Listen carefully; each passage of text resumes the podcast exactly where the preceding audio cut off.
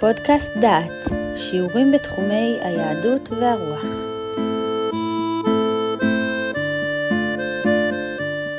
ברוכים הבאים לפודקאסט דעת, לקורס ירמיהו ותקופתו. בפגישה זו נעסוק בירמיהו פרק מ"ו, בקרב בחרקמיש על נהר פרת. מפרק מ"ו מתחיל ירמיהו סדרה של נבואות לגויים. העם הראשון שזוכה לנבואה הוא מצרים. ירמיהו מתייחס לאירוע היסטורי טראומטי לאזור כולו, והוא נושא את דברי נבואתו על רקע אירוע זה. בזו מסגרת הנבואה.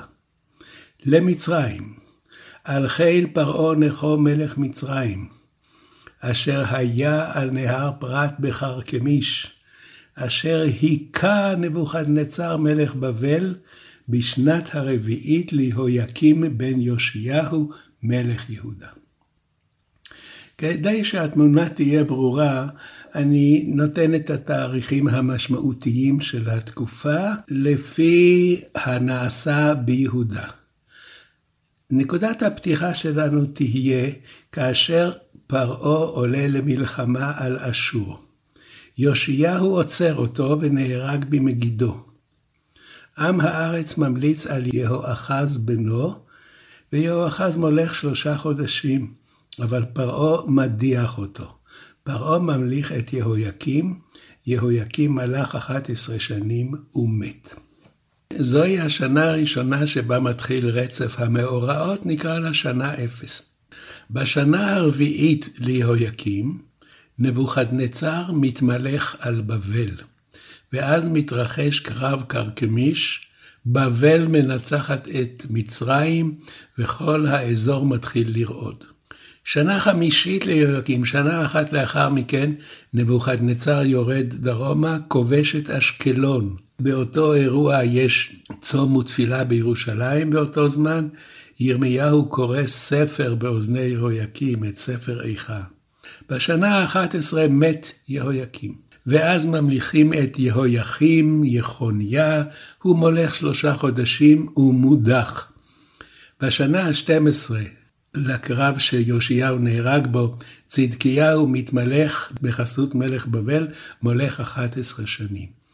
בשנה ה-23 נחרב בית המקדש. לסכם את עניין המלכות. יאשיהו נרצח על ידי פרעה. היו לו ארבעה בנים. הבן הראשון, יהואחז, מלך שלושה חודשים, הודח על ידי פרעה, שהמליך את יהויקים. יהויקים מלך 11 שנים. לאחר מות יהויקים המליכו את יהויכין או יחוניה, מלך שלושה חודשים והודח, ועלה למלוכה צדקיהו בחסות מלך בבל. מלך 11 שנים, בדיוק כמו יהויקים. בשנה ה-23 למותו של יאשיהו חרב בית המקדש. העיר כרכמיש נמצאת על שפת חלקו העליון של נהר פרת, עיראק של היום. העיר יושבת על פרשת דרכים בין ננבה בירת אשור, חרן וצפון סוריה. מיקומה של כרכמיש הזמין כובשים לעשות מאמץ לכובשה. ואומנם תחילה הייתה כרכמיש בשליטה מצרית, עברה לשליטה חיתית, נפלה בידי אשור. כאשר כבשו הבבלים את חרן ב-609 לפני הספירה הנוצרית, נוצרה קואליציה בין האשורים והמצרים נגד בבל. מתקופה זו נשאר כוח מצרי בחרקמיש ובסביבתה, וממקום זה שלטו המצרים בסוריה והתקיפו את הבבלים.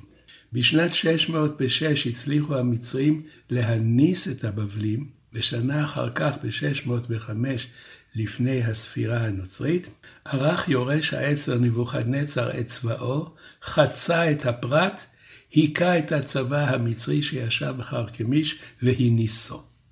ניזכר עכשיו מה נעשה בארץ באותם ימים הרי גורל. לפני שלוש שנים ערך פרעה נכו מסע מלחמה בארץ.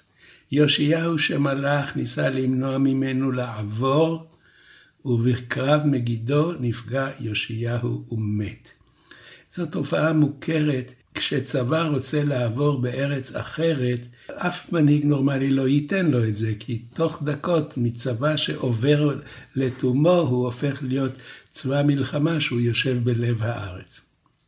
פרעה המשיך בדרכו לחרן, לאחר שסיים את הקרב חזר לארץ, גילה שעם הארץ המליך את יהואחז, הדיח אותו. הדיח אותו אחרי שלושה חודשי מלוכה, והמליך את יהויקים. 11 שנים הלך יהויקים. בשנה הרביעית למולכו היה קרב קרקמיש, נוצחו המצרים על ידי הבבלים. שנה אחר כך, בשנה החמישית ליהויקים, כבש נבוכדנצר את ארץ ישראל, יהויקים היה לו עבד שלוש שנים. אחרי שלוש שנים מרד בנבוכדנצר. שלוש שנים עמד במרדו, עד שעלה נבוכדנצר וכבש את ירושלים. המלך יהויקים נקבר קבורת חמור, סחוב והשלך מסביב לשערי ירושלים. אני מבקש לחזור ולקרוא את סיכום הקרב, כפי שכתב יוסף בן מתתיהו במלחמות היהודים. בשנה הרביעית למולכו תפס איש ושמו נבוכדנצר את השלטון על הבבלים. נבוכדנצר זה עלה באותו זמן עם חיל רב על קרקמיש, העיר שעל נהר פרת, והחליט להילחם בנכו מלך מצרים, אשר סוריה כולה הייתה כפופה לשלטונו. כיוון שנודע לו לנכו כוונתו של מלך בבל על מסע המלחמה נגדו, לא זלזל בדבר, אלא מיהר ויצא בחיל גדול אל פרת כדי להילחם בנבוכדנצר. וכשבאו לידי התנגדות, נחל נכו מפלה, ורבבות רבות מאנשיו עבדו בקרב, ומלך בבל עבר את הפרת, וכבש את סוריה עד פלוסיון, חוץ מארץ יהודה. ירמיהו נושא את דבריו בנקודה בה נפלה מצרים, ובבל תפסה את מקומה כאימפריה עולמית. החילופין לא היו מאורע משמח כלל וכלל. מצרים הרגה את יאשיהו, המלך האהוב, והטילה מיסים כבדים על הארץ. ונבוכדנצר שמילא את מקום פרעה נכו, אנו יודעים מה עשה לארץ הזאת. וירמיהו עומד בצומת הדרכים הזה של ההיסטוריה ונושא דברי לעג למצרים. ושתיים סיבות לו לירמיהו.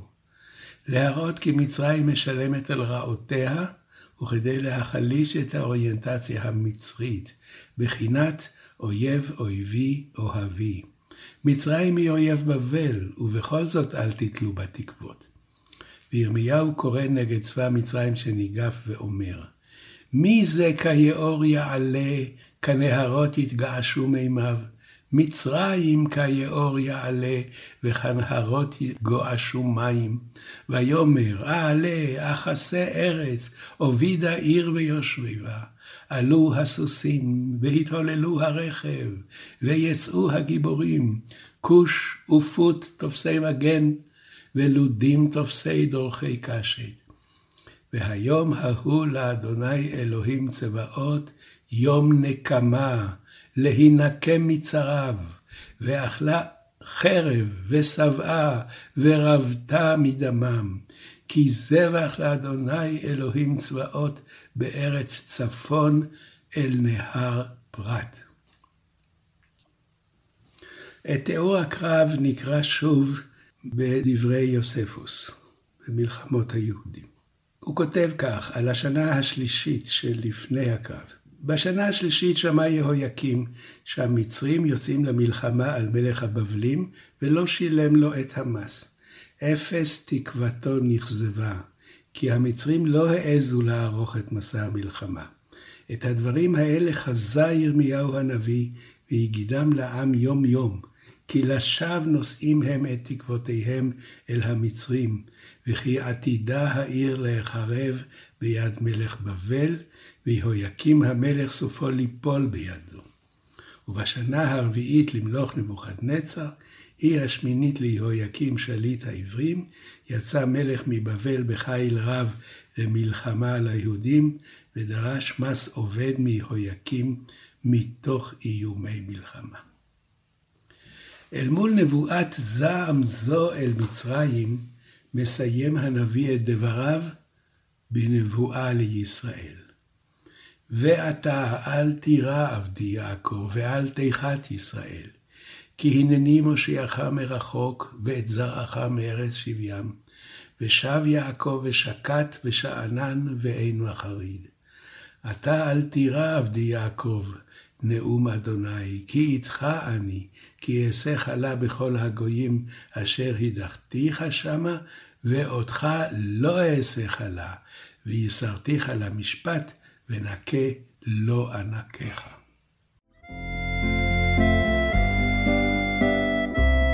שמעתם שיעור מתוך הקורס ירמיהו ותקופתו, מאת פרופסור יהודה אייזנברג. את הקורס המלא וקורסים נוספים ניתן לשמוע באתר דעת במדור פודקאסט.